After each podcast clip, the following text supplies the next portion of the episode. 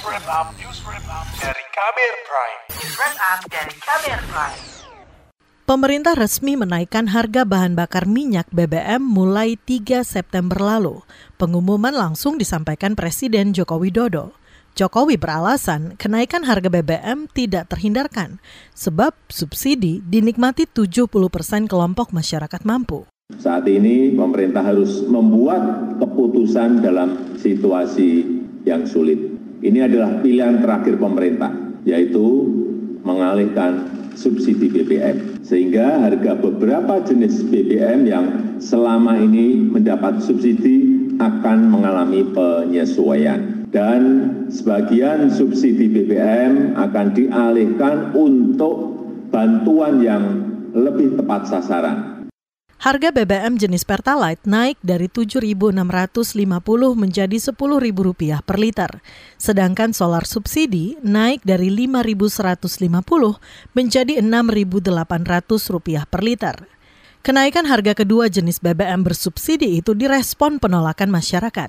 Kelompok buruh dari Asosiasi Serikat Pekerja Aspek Indonesia mendesak Presiden Jokowi segera membatalkan kenaikan harga BBM subsidi.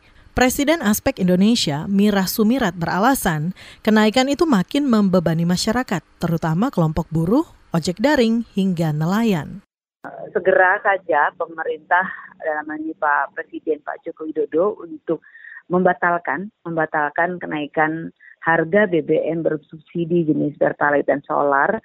Ini bukan hanya memberatkan para pekerja buruh, tapi ini seluruh rakyat ya, seluruh rakyat dan ada banyak nelayan juga yang menggunakan solar-solar kita dan uh, ini tentu sangat-sangat memberatkan di situasi di tengah kondisi ekonomi yang betul-betul sangat-sangat berat saat ini gitu ya. Ribuan orang di berbagai daerah menggelar aksi unjuk rasa menolak kenaikan harga BBM, bahkan sejak akhir pekan lalu. Aksi juga diperkirakan masih akan terjadi hari-hari ke depan.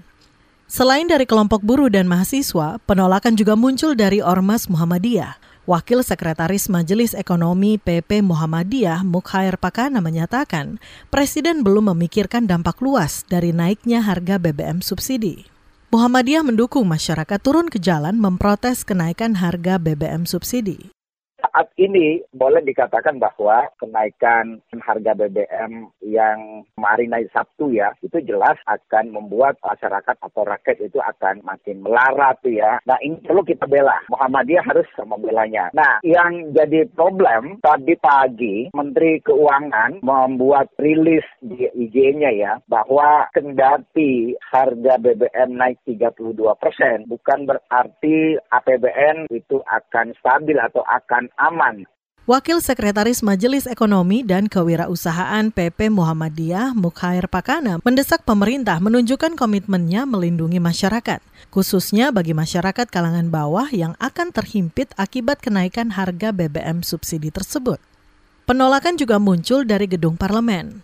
Anggota Komisi Energi DPR, Mulyanto, meyakini keputusan pahit ini membuat masyarakat miskin makin menderita.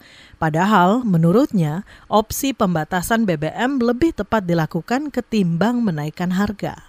Kami kecewa dan menolak kenaikan BBM ini. Ada beberapa hal alasannya. Pertama, satu, inflasi khususnya inflasi makanan ini akan melonjak. Dugaan kami dari 11% yang ada sekarang ini bisa melebihi itu. Mungkin bisa mencapai 15%. Yang kedua, ketidaktepatan sasaran dari BBM bersubsidi ini akan terus berlanjut karena BBM bersubsidi masih akan terus dinikmati oleh mereka pengguna mobil-mobil mewah karena tidak ada pembatasan. Sementara itu, Direktur Eksekutif Lembaga Kajian Ekonomi Indef, Tauhid Ahmad, meminta pemerintah menambah anggaran bantuan sosial untuk masyarakat terdampak kenaikan harga BBM subsidi. Yang pertama, nilai bantuannya harus ditambah yang memang bisa membantu meredam dua hal ya. Mereka ongkos kenaikan BBM-nya. Yang kedua adalah inflasinya. Jadi jangan salah satu begitu. Kalau saat sih hanya salah satu gitu. Itu pun kurang. Itu yang pertama. Yang kedua, katakanlah memperbaiki eh, data di lapangan secepatnya karena ini tinggal nanti ada konflik sosial dan sebagainya di masyarakat ketika yang satu dapat BLT yang satu enggak. Direktur Eksekutif Indef, Tauhid Ahmad juga mengkritik skema pemberian bansos dari pemerintah. Mestinya, bansos didistribusikan berdasarkan karakteristik penerima dan idealnya subsidi diberikan kepada orang, bukan barang.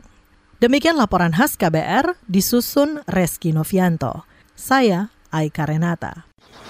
Kamu baru saja mendengarkan news wrap up dari KBR Prime. Dengarkan terus kbrprime.id, podcast for curious mind.